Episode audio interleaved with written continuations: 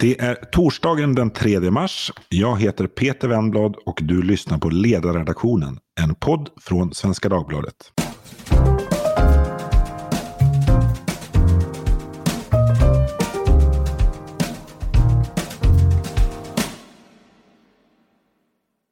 Idag ska vi diskutera rysk olja och gas. Eller närmare bestämt hur Rysslands krig mot Ukraina kommer att påverka energiförsörjningen i Europa och i Sverige. Och hur det rent praktiskt egentligen ska gå till att göra Europa oberoende av olje och gasleveranser från Sibirien. Och om det ens är möjligt. Idag hämtar europeiska länder 40 procent av sin naturgas från Ryssland som används till grundläggande saker som att värma bostäder och producera elektricitet. 2020 exporterade Ryssland 172 miljarder kubikmeter naturgas till Europa. Framförallt till Tyskland, Italien, Frankrike, Nederländerna och Österrike. Och Ryssland är tillsammans med Saudiarabien världens största nettoexportör av olja. Som ni hör är det här saker som varken är enkla att förstå eller hitta lösningar på. Och därför har jag bjudit in två gäster som kan betydligt mer än de flesta om energifrågor och energimarknaden. Och den första det är Henrik Wachtmeister. Han är forskare i globala energisystem vid institutionen för geovetenskaper på Uppsala universitet. Varmt välkommen Henrik! Tack så mycket! Den andra gästen är en person som möjligen har lite mer handgripligt eh, kunskap eller handgripligt involverad i energimarknadsfrågor och energiproduktion. Och det är Per Everhill. Per arbetar med public affairs-frågor på den regionala energikoncernen Tekniska verken i Linköping. Och utöver det är han bland annat ordförande i branschorganisationen Energiföretagens råd för klimat och energipolitik, energisystem och energiförsörjning. Välkommen till Ledarpodden du också Per. Tack så mycket. Du Henrik, eh, jag tänkte börja med dig. Mm. Jag beskrev ju mycket kort här i inledningen och väldigt övergripande om den ryska oljan och gasens betydelse för Europa och tänkte att du kanske kunde utveckla det här lite grann. Hur beroende är Europa av energi från Ryssland i allmänhet och rysk gas i synnerhet? Mm. Alltså vi är väldigt beroende. Alltså om vi ser till, till EU så importeras eh, ungefär 60 procent av all energi. Så vi är liksom långt ifrån självförsörjande. Och en stor del av den här energin kommer ju då som sagt från Ryssland. Och det är då 40 procent av gasen som du sa, eh, men även 30 procent av oljan, hälften av kolet och eh, ungefär en femtedel av uranet då för kärnbränslen. Um, mm. Om vi ser till Europa som region då, så blir siffrorna lite bättre, alltså tack vare Nordsjöoljan, alltså Norges olje och gasproduktion. Men det är ungefär samma bild. Vi är väldigt eh, beroende av import. Och hur, har det sett ut så här under um, lång tid eller hur, hur har det förändrats? Ja, det har sett ut så här under lång tid. Um, och det har väl liksom varit en del förändringar. Så vi har Nordsjöoljan hade högre produktion för um, ett decennium tillbaka. Så den liksom, inhemska produktionen har gått ner. Konsumtionen har kanske legat ganska konstant men den inhemska produktionen har gått ner och då har man då importerat mer gas och framförallt olja från Ryssland. Så att Rysslands del har, har vuxit på det sättet. Eh, alltså, när man pratar om så här, olja och gas så blir, kan det bli lite ab abstrakt vad det egentligen handlar om. Alltså, vad, den olja eh, och den gas som Europa importerar från Ryssland, så vad används den konkret till? Mm, alltså, eh, olja används ju framförallt för vägtransporter, alltså det är helt enkelt bensin och diesel till personbilar och lastbilar. Och det är väl typ, det är ungefär hälften av användningen i Europa. Och sen har vi sjöfart och flyg. Det använder eh, runt 10 procent vardera. Och sen 15 procent används för saker då som inte är energirelaterat direkt, alltså plaster och asfalt och smörjoljor och den typen av saker. Så olja gas finns i väldigt mycket andra saker än vad man kanske tänker sig. Ehm, mm. Och det, eh, vad gäller olja så är det bara en liten del som, som fortfarande används till elproduktion. Alltså sen oljekriserna på 70-talet så har ju det mesta av oljan fasats ut från elproduktionen i och med att eh, oljan blev dyrare medan gas var billigt. Så vi är nu i en mm. situation eh, där gasen är mer än, eller nästan tre gånger så dyr än oljan. Så då har det gjort det lönsamt faktiskt att elda olja igen. Även om oljan då också är nu på rekordnivåer prismässigt. Men gasen, då, gasen används ju eh, i elproduktionen i mycket större omfattning. Så att den används till, eh, för elproduktion, uppvärmning av bostäder och i industrin. Så att den har liksom tre viktiga användningsområden. Och I industrin då så används den till många saker, alltså till exempel produktion av konstgödsel, eh, men också i metallindustrin, smälta metaller. Ett exempel här med konstgödsel, eh, alltså gödning, där har vi sett hur flera producenter har varit tvungna att stänga ner sin produktion på grund av de här höga priserna som vi haft då sedan eh, i höstas. Och då driver vi upp då gödningspriserna och i nästa steg även matpriserna. Så att energi är ju liksom eh, fundamentalt på det här sättet att höga energipriser sprider sig vidare till ja, egentligen de, nästan alla andra sektorerna i ekonomin. Nu, är, nu eldar vi inte, nu har vi inte gaskraftverk i, i Sverige som producerar eh, elektricitet. Men du sa att alltså, den ryska oljan går huvudsakligen till fordonsbränsle. Vi, här, när vi tankar på macken då är en, kan vi räkna med att en stor andel av bensinen har sitt alltså, ursprung i, i Ryssland. Ja, för, för Europanivå så är det ju då det. Alltså, men sen exakt i Sverige vilka molekyler som kommer just från Ryssland är svårare att svara på. Det, det är ganska komplext vart oljan går. Men eh, generellt på Europanivå så är det ju då eh, 30 procent av oljan från Ryssland. Mm. Eh, jag tänkte gå över till dig Per. Mm. I grova drag, hur, om vi tar ett liksom svenskt perspektiv nu på situationen i eh, det som sker i Ukraina. Alltså hur påverkas svensk energimarknad och eh, svenska hushåll av det som sker där nu? Ja, men det får definitivt en, en påverkan och eh, det kunde man märka redan i höstas när liksom tonläget i den här konflikten började, eh, Eh, började skruvas upp här och ehm, det har blivit ganska tydligt nu att framförallt att södra Sverige, våra två södra elprisområden, att de är kopplade till kontinenten elprismässigt, att ett högt elpris på kontinenten eh, där vi har goda förbindelser med till Tyskland, till Polen, Litauen etc. Att det får ett genomslag på, på svenska elpriser om man tar just elmarknaden. Eh, och, och, det som hände då i höstas, dels så har vi den här kopplingen som en grund, men det som också hände då det var just att gasmarknaden började bete sig märkligt. Eh, eh, leveranserna av rysk gas minskade till Europa och att det just är gas som, och, och även övrig fossil energi då, som på marginalen sätter elpriset i större delen av kontinenten. Mm. Det är ett stort genomslag i, för oss där. Och samtidigt då som att Eh, det blev kallt och att det inte blåste så mycket. Eh, för när det gäller svensk el, det svenska elpriset, om man kallar finns ett sånt, så, så i och med att vi använder den fortfarande en hel del el till, el till uppvärmning så gör det oss då, då känsliga så att säga. Det blir ju liksom en, en slags oplanerad, en, en, en elanvändning som är svår att planera för. Och det i kombination med höga priser på kontinenten gjorde att vi fick väldigt höga eh, elpriser nu eh, under hösten. Och vi ser nu också de senaste dagarna hur det här verkar, återigen verkar elpriserna gå upp nu och eh, jag står att nu ikväll så pratar vi om 4 kronor som timspotpris då eh, på, på peaktiderna så att säga. Och 4 kronor brukar ju en, under en vanlig mild vårdag i mars då, som i alla fall är i Östergötland där jag befinner mig, så, så är 4 kronor kilowattimme ett ganska högt elpris, ett väldigt högt elpris. Vad, vad förväntar du dig, alltså givet att vad säger, striderna fortsätta här ett, ett tag till? Vad förväntar du dig de närmaste dagarna och veckorna?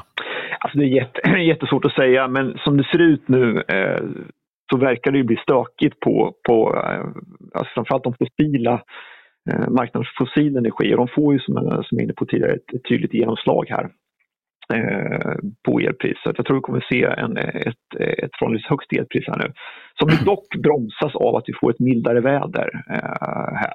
Eh, som gör att vi, mm. vi inte är lika känsliga. Och det är tydligt också att man jämför Sverige med exempelvis Tyskland och eh, Italien som då använder väldigt mycket gas för uppvärmning så är de naturligtvis känsligare än vad vi är.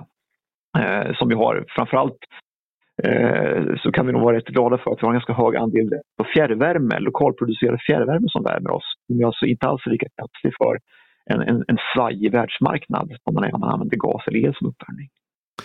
Eh, jag tänkte slänga ut en fråga till er eh, båda, Får se vem som eh, eh, hugger först. Eh, man får ju ändå säga att mm, nu till slut så råder det en bred samsyn om att Europa bör minska sina köp av olja och gas av Ryssland på kort sikt och gör sig oberoende av den på lite längre sikt. Men utifrån det som vi har pratat om här hittills, går det? Ja, vi får se, får se om Per håller med. Men absolut, jag skulle säga att det, att det, eller det, det, går att göra sig oberoende av rysk energi på längre sikt. Alltså det ligger ju, det är även i linje med klimatmålen så att man kan säga att det redan är ett implicit mål. Um, och Det innebär ju då i stora drag alltså att ja, utbyggnad av fossilfria energikällor, elektrifiera transport och industri, effektivisera och kanske även då etablera någon form av vätgasinfrastruktur till framförallt industrin. Men, men det svåra här är ju hastigheten, alltså hur snabbt kan det här göras? Eller kanske rättare sagt, hur snabbt är vi villiga att göra det hela?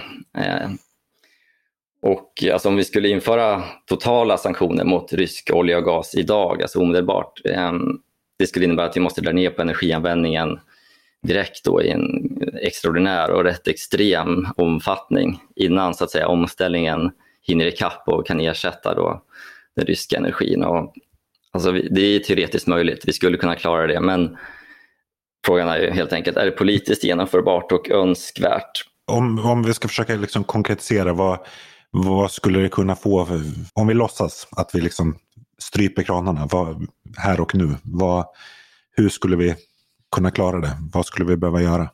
Ja, alltså det, vi behöver vi behöver göra allt man kan göra på supply-sidan, så att liksom importera LNG och olja från andra källor.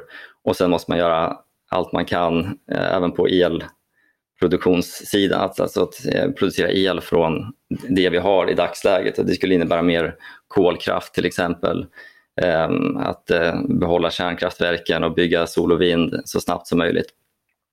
Och, men det skulle även innebära, det man kan göra på supply-sidan är inte tillräckligt utan det skulle även innebära då stora efterfrågeminskningar. Så vi måste dra ner på industriverksamhet, eh, på, eh, på uppvärmning och köra mindre och så vidare. Så det är väldigt stora mm. förändringar. Man kan ta ett, ett exempel. Eh, pandemin då, 2020, då minskade världens oljeförbrukning med ungefär 9 procent. Och det är ungefär den storleksordningen som Rysslands exporter motsvarar. Så att, um, mm. Om de skulle försvinna, att liksom balansera det, då är det egentligen en, ett, en ny ja, efterfrågeminskning i samma storleksordning som en sån global lockdown. Vad säger du Per? Kan vi göra oss eh, oberoende och hur snabbt kan det gå? Ja, det är en svår fråga. Jag håller med Henrik eh, här att man får titta på det på dels kort sikt och på lång sikt egentligen. Och eh, på Egentligen på båda kort och lång sikt tror jag en väldigt viktig sak är just det att vi, vi behöver ha en solidaritet i Europa eh, mellan länderna. Eh, tidvis kan man se tendens till energi, man kan kalla det för energinationalism, det här med att man ska liksom, eh, sköta sig själv eh, och att det ska vara någon slags lösning. Men jag tror tvärtom att ska man kunna hantera liksom ett, ett, ett oberäkneligt Ryssland här så tror jag att det är samarbete som gäller. Hur menar du att den energinationalismen kommer till uttryck? Nej, men eh, det har ju bland annat förekommit utspel i Sverige kring eh, från något politiskt parti att man ska, eh, ja, de sa väl inte klippa kablarna, men liksom att man ska liksom koppla bort sig och minska liksom sin, sin exponering mot mm. den europeiska elmarknaden. Eh, och, och då tror jag tvärtom att lösningen är att, eh, att bygga ut elsystemet i Europa om man tar just elsidan så att länder med överskott, för det är ju faktiskt så att Sverige har ju eh, över tiden har ju vi faktiskt ett elöverskott i Sverige, men vi kanske har ett underskott den enskilda timmen. Då. Och att ju bättre förmåga vi har att dela eh, energi med våra grannländer, desto mindre känsliga blir vi just för den typen av situationer. Um, och inte minst i det här läget nu så är det ju så att Eh, vi har ju våra grannländer Finland men även Litauen som ju då eh, dagligen importerar ganska mycket rysk el och är faktiskt beroende av att importera rysk el. Och det, det innebär att svensk elexport till Finland och eh, vår kabel till Litauen på, på 700 megawatt, den, de, de bidrar direkt till att trycka ut rysk el ifrån den nordiska elmarknaden. Eh, och därmed göra oss mindre känsliga för, för Putins energivapen. Men hur, eh, hur skulle Sverige liksom på, på kort sikt kunna öka sin elexport för att vad säger, hjälpa våra grannländer att bli mindre beroende av Ryssland? Ja, alltså på kort sikt så skulle jag nog säga att det kanske inte finns så speciellt mycket vi kan göra momentant. Eh, för att elmarknaden den är ju fungerande och fungerar ju så att vi har ju liksom en återkommande export. Så jag, jag ser på kort sikt har jag svårt att se några liksom, direkta åtgärder, eh, förutom om man ska tänka sig akuta åtgärder i stil med att vi liksom verkligen behövde dra ner radikalt på vår elanvändning för att kunna liksom, i, i händelse av ett totalt risk, vet jag, ehm, exportstoppet av både el och, och gas. Eh, utan jag tror att tyvärr, tyvärr är det nog så att de här åtgärderna kräver lite mer tid också. Och, eh, jag tycker man kan se det också på, på höstens elpris som ju drabbar många svenska konsumenter. att eh, om man satt där med en eluppvärmd villa eh, i december när elpriserna var höga, då var det liksom inte så mycket som du kunde göra egentligen. Eh, liksom det tar tid att isolera vinden och byta till fönster och byta uppvärmningsform. Så att i det korta perspektivet då eh, kan det bli tufft, inte minst för konsumenterna. Jag vill kanske kommer hinna återkomma lite grann till vad Sverige skulle kunna göra på lite eh, längre sikt. Men jag tänkte gå tillbaka till dig, eh, Henrik. Mm. Eh, för nu är det ju så att EU och ja, hela världen egentligen har ju infört en lång rad sanktioner mot Ryssland och väldigt hårda eh, sanktioner. Men de gäller då inte landets olje och gasexport. Eh, och vi har ju varit inne här på liksom, de praktiska skälen till att vi har svårt att klara oss utan den. Men jag såg att du har skrivit i något sammanhang också att, att det är inte bara så att vi praktiskt har svårt att klara oss utan den utan att energisanktioner skulle liksom egentligen snarare stärka än eh, försvaga Ryssland. Kan du utveckla det där lite grann? Mm. Alltså jag uttryckte mig kanske lite otydligt om det. Alltså, det finns ju risker och det var väl egentligen det eh, som jag ville lyfta. Det handlar liksom om nyttan och kostnaden av sanktionen. Eller rättare sagt i det här fallet eh, är det väl liksom skador. Eh, skadar man fienden mer än vad man skadar sig själv med sanktionerna? Mm. Och eh, hur, reagerar, liksom, hur reagerar resten av världen? Alltså problemet är ju att man inte kan öka produktionen av olja och gas på, på kort sikt i någon större omfattning. Man kan göra det lite grann, men inte så mycket. Så att om man tar bort rysk olja och gas från marknaden så går ju priset upp. Och de här kvarvarande exportvolymerna från Ryssland kommer ju då säljas till eh, högre priser. Så på så sätt kan Ryssland fortfarande få eh, rätt stora inkomster medan väst då får stora kostnader. Så kalkylen blir då vem, mm. vem som lider mest. På lång sikt så måste man, eller blir det ju Ryssland den stora förloraren, eh, det är helt klart. Men Frågan är ju då om väst kan klara den här liksom, kortsiktiga chocken. Och eh, alltså, sanktionernas effektivitet och framförallt vad gäller olja så beror det på som sagt hur omvärlden, omvärlden reagerar. Kommer Kina och Indien fortsätta köpa rysk olja? Kina skulle liksom i teorin ensamt kunna svälja hela Rysslands export. Men sen finns det mycket mm. praktiska saker som gör att det inte är möjligt. Alltså hur pipelines, lager och utskeppningshamnar och sånt eh, ser ut i dagsläget. Men, men på sikt så kan ju liksom delar av Rysslands oljeexport ställas om till, eller från väst till, till andra köpare. Eh, för gasen så är eh, ryssarnas exportalternativ mer begränsade. Alltså det beror på, eller ja, pipelinesystemet begränsar hur, hur, man kan, hur man kan handla med gasen. Så där skulle faktiskt... Ja, visst, visst, är, Visst är det så att Ryssland egentligen bara har gasledningar som leder västerut? västerut? Ja, i princip. Ja. I princip. Eh, det finns lite österut också, men det stora är eh, till Europa. Så att Ryssland skulle då, eller EU, om man införde sanktioner på egen hand mot Ryssland, då skulle ja, eh, över 70-75 procent av Rysslands gasexport eh, förhindras. Eh, så det är ett väldigt stort slag. Då. Ehm, men man ska komma ihåg att det är oljan som står för de stora inkomsterna. Alltså historiskt så kanske gasen har stått för 30 procent av Rysslands intäkter medan 70 eh, procent av intäkterna har kommit från oljeexporten. Så att för att komma åt Ryssland ordentligt så krävs det även då effektiva oljesanktioner. Och de kan nog vara svårare att få till eh, liksom komplett internationellt. Finns det liksom något sätt att, eh, ja, nu blir det här kanske en eh, fråga som egentligen en politiker skulle svara på, men jag ställer den till dig i alla fall. Går det att utforma liksom, smarta energisanktioner om du förstår vad jag menar? Alltså det man kanske kommer landa i slutändan är att man inför stegvisa sanktioner. Att man sätter sig och räknar hur snabbt eh, kan vi fasa ut den ryska oljan och gasen.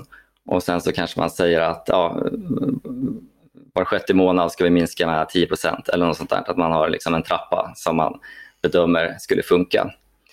Um, men det här är ju precis det är politiska övervägningar i slutändan. Alltså hur, hur villiga är väst att liksom utstå de här skadorna och eh, att jämföra dem med Rysslands förmåga att eh, utstå skadorna i långa loppet.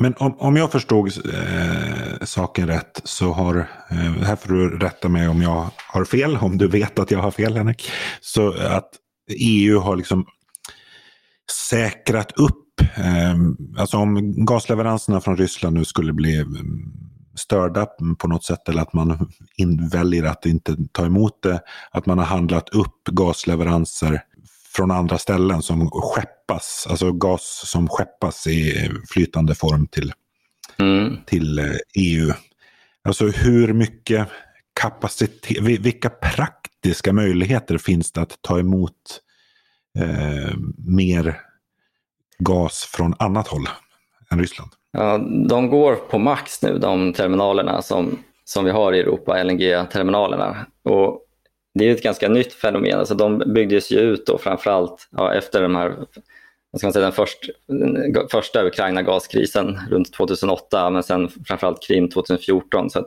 här har man ju faktiskt gjort saker som, har varit, som är bra att vi har idag. Att vi har mycket mer LNG-terminaler. Men de går mm. på max nu. Så att, eh, men det, utan dem hade vi varit i stora problem. Så vi importerar mer gas eh, eh, sjövägen än den ryska landvägen för tillfället.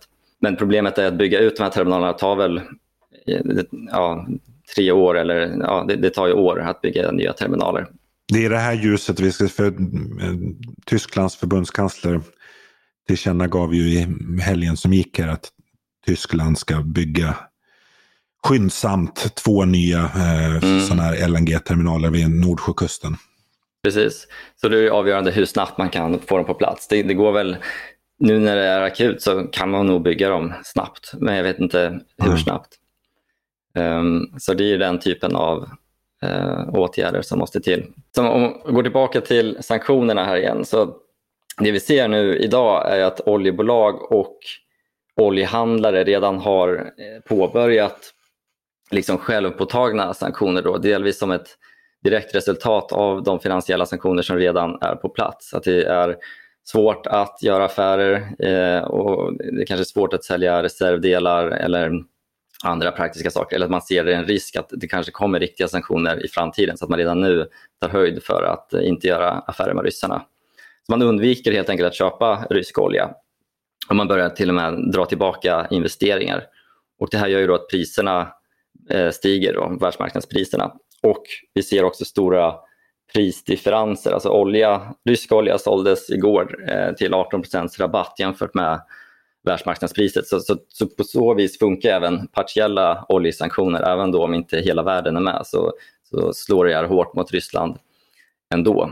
Och vi ser ju även att eh, vad ska man säga, trycket och opinionen för ytterligare sanktioner och åtgärder mot Ryssland växer, i alla fall inom Europa. Så att, ja, nu när vi ser vad Ryssland gör så, så blir åtgärder då som vi för bara några veckor sedan kanske tänkte var omöjliga, något som nu faktiskt övervägs. Eh, men som sagt, som vi var inne på tidigare, det finns risker eh, och det här är en väldigt svår eh, politisk avvägning för, för beslutsfattarna. Och kanske då som sagt att man landar i att man inför någon typ av stegvisa olje och gassanktioner över tid.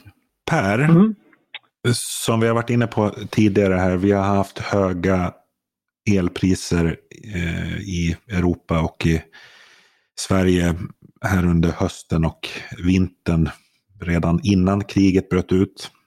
Vad, hur resonerar ni på tekniska verken? Vad ser ni framför er kommande höst och vinter och kanske höstar och vintrar efter det? Ja, men det är en eh, oerhört svår fråga att svara på egentligen, men jag gör ett försök i alla fall här. Och, eh, alltså tittar man nu på, på, på prisläget och även under kommande året så kommer det ju säkert vara stökigt, är min uppfattning. Och, eh, jag såg att EU-kommissionen väntas gå ut med en, en kommuniké här i veckan kring läget och det finns någon läckt version där man pratar om att eh, eh, vi kommer att ha utmaningar på, på så tuffa energipriser åtminstone ett år framåt. Och eh, en viktig orsak är ju att eh, Alltså Europas gaslager är låga och att de var liksom låga redan innan den här konflikten eskalerade nu i höstas här och det gör att vi kommer gå in i nästa vinter möjligtvis med ett dåligt läge. Eh, mm. Man pratar också, och det börjar liksom cirkulera diskussioner kring att eh, dra igång kolkraft eh, i exempelvis Tyskland. Den tyska kolkraften var liksom på nere på dekis minst sagt Eh, och det finns även kolkraft i Storbritannien och andra länder som i princip har liksom, eh, nästan legat i malpåse senaste tiden. Inte Tyskland, förlåt. Tyskland kör fortfarande mycket kol, men eh, i, i en del länder att de var på, på väg neråt då. Eh, men den får en renässans nu i och med att den energin finns i Europa så att eh, det kan mycket mm. väl bli så att det dras igång en del kolkraft här nu eh, för att möta liksom en minskad gasanvändning och, och kol, kolkraft är, dyr, dyrare. Eh, det är en dyrare elproduktion så att det, kommer, då, och det bidrar ju då till högre energipriser Uh. Men hur funkar det med att återstarta kolkraft? Alltså vi har ju haft en diskussion i Sverige om att återstarta Ringhals eh, reaktorer och sånt där. Alltså, och det verkar vara en ganska tekniskt komplicerad manöver, kanske inte ens möjlig. Alltså, kan man starta upp ett nedlagt eh, kolkraftverk? Ja, ett, eh, det beror på hur nedlagt det är i, i Tyskland. Men definitivt är ökad kolkraft någonting man, eh, man diskuterar också. Och jag har också sett en diskussion i Tyskland här om att eh, man var ju att, att man planerade ju nedstängning av de sista kärnkraftsreaktorerna i Tyskland där och där pågår nu en debatt har jag förstått kring om de ska vara kvar som då ett, mm. ett alternativ. Så jag tror generellt att Europas energipolitik kommer att det kommer, det kommer vara snabba vändningar här nu och Eh, det blir också intressant att se hur eh, eh, för, i en del fall tror jag det kommer också bli en avvägning mot just klimatmål kontra liksom leveranssäkerhetsmål. Det är, kol, det är ju en, en återstart av kolkraften är ett bra exempel på en, en sån avvägning då. när man riskerar att frysa helt enkelt och kanske, kanske då tyvärr då ur klimatperspektiv då frångår liksom principer. så det ska bli spännande att se. Vad, vad ser du för andra möjliga avvägningar som vi kommer tvingas hantera? Alltså jag tror ju generellt att vi måste, vi kommer börja titta mer liksom på, eh, på energiförsörjning ur ett resurseffektivt eh, eh, alltså ur ett resurseffektivitetsperspektiv. Ehm, jag tror vi måste bli bättre på det här med spillvärme. Vi måste fundera på om hur kan vi kanske nyttja fjärrvärmesystemet på ett bättre sätt så vi minskar liksom beroendet av, av gas där. Ehm, vi märker till exempel hur efterfrågan på biogas, lokalproducerad biogas från avfall ökar kraftigt nu som en ersättning för, eh, för eh, naturgas eh, och annan fossil energi. Ehm, så jag tror och hoppas på att vi kan få ett fokus på till exempel energieffektivitet både i Sverige och i resten av Europa och vad man använder energi till. Samtidigt så ligger ju vi... Hur, hur, hur menar du då konkret? Alltså, vad, vad, är det, vad är det för diskussion som eh, du vill se eller tror behövs? Ja, jag tänker mig generellt en, en diskussion kring som eh, i att eh, den, den, vi har ju exempelvis, vi är inte jättebra i Europa på att nyttja spillvärme från industrin. Att vi kan bli bättre på att mm. använda det istället för att köpa till för ny energi. Jag tror man skulle kunna tänka sig en diskussion om det finns tillgänglig fjärrvärme, kanske från Eh, som vi har gott om i Sverige, eh, restprodukter från skogsindustrin etc. Eh, att, att inte kanske då öka vår elanvändning för den kommer gå till allt möjligt annat utan att titta på tillgängliga resurser på ett, på ett effektivare sätt. Och, och inte minst då som jag var inne på tidigare, att bygga ut distributionssystemen så att den som har överskott kan dela med sig till den som har underskott på ett bättre sätt. För att på så vis öka, öka, så vis öka resiliensen eh, i samhället. Henrik, eh, den tyska regeringen har ju nu stoppat driftsättning av eh, gasledningen Nord Stream 2 eh, som går på Östersjöns botten. Och det är ju inte helt uteslutet att gasleveranserna via Ukraina kommer att störas av kriget, alltså, eller att ledningarna helt enkelt blir förstörda. Vad, vad händer i ett sånt läge? Nord Stream 2 byggdes ju mm, alltså delvis då från rysk sidas håll att, eh, ja, för en sån här situation att man skulle kunna fortsätta förse Europa med gas samtidigt som man skulle kunna stänga av gasen genom Ukraina. Ehm, ehm, så, så det är egentligen en typ av överkapacitet. Så att, men har vi inte Nord Stream 2, då är vi beroende av Ukraina. Så ett bortfall av Ukraina kommer ju leda till ett stort underskott i Europa. Ehm, men det är inte ehm, katastrofalt. Alltså det kommer då kunna mötas genom då dels den här eh, rekordimporten av LNG som sker för tillfället, den, att den fortsätter, kanske kan öka något till.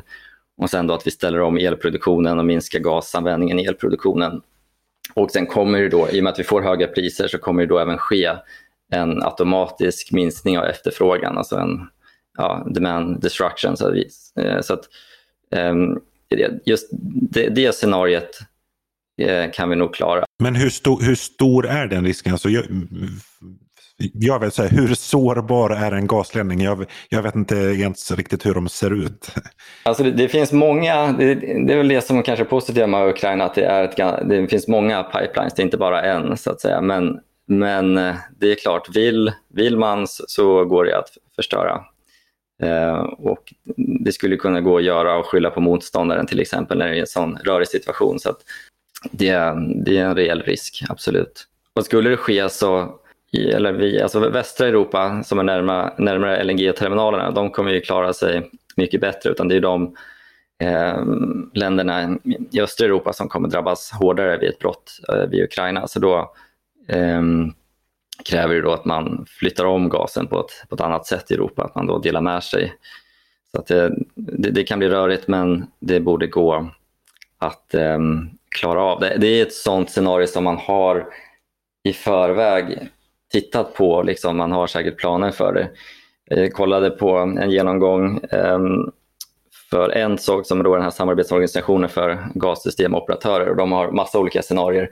Men det intressanta är att de har inte ett scenario för vad som händer om, man, om all rysk gas försvinner. För det är liksom, som vi var inne på, det, det har tidigare varit så, så pass otänkbart. Det kanske finns hemliga mm. sådana förberedelser men eh, alltså det är snarare att det är krigsförberedande eh, eh, planer så att säga, eh, situationsplaner snarare än något som man har med i sin vanliga energisäkerhetsredovisning. Eh, men, men Ukraina, eh, ett avbrott i Ukraina eh, borde kunna klaras då.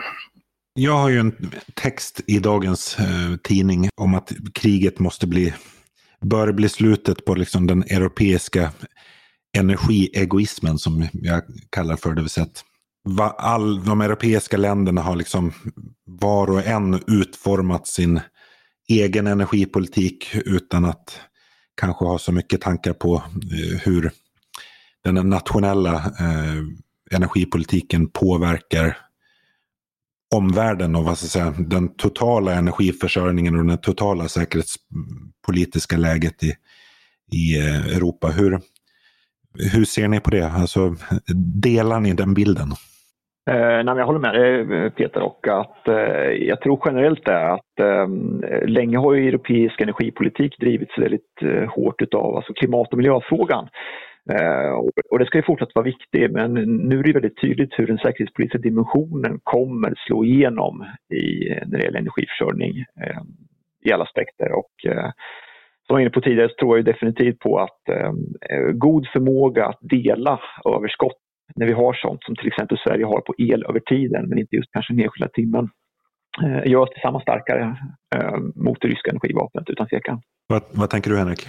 Ja, jag håller med. Alltså man har, brukar ju prata om eh, liksom energitrilemmat. Man vill ju att energiförsörjningen ska vara billig, miljövänlig och säker. Och som Per sa, alltså det länge varit fokus kanske bara på att det ska vara billigt och sen har ju miljödimensionen vuxit. Då kanske i vissa fall på bekostnad av säkerheten, och både eh, att man vill att det ska vara billigt och att det ska vara miljövänligt. Att man då i den tredje dimensionen har eh, man kanske inte har prioriterat den, man har eh, utgått från ett, ett lugnare omvärldsläge. Men att det kommer absolut tillbaka så att då måste man tänka om lite nu när man, när man, när man pratar energistrategi på lång sikt. Men en väldigt praktisk eh, fråga Per, alltså som ni på Tekniska verken när ni planerar i er eh, verksamhet och produktion? Alltså hur...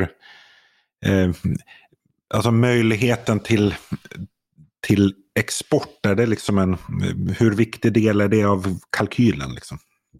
Uh, alltså nu säljer vi, elen vi producerar säljs på den nordiska elmarknaden, så på börsen där. Så att uh, vi har inte en direkt koppling till exporten. Men däremot så ser vi ju hur den, den tydligare kopplingen till kontinenten påverkar dock elpriset och det som vi får betalt på, på börsen.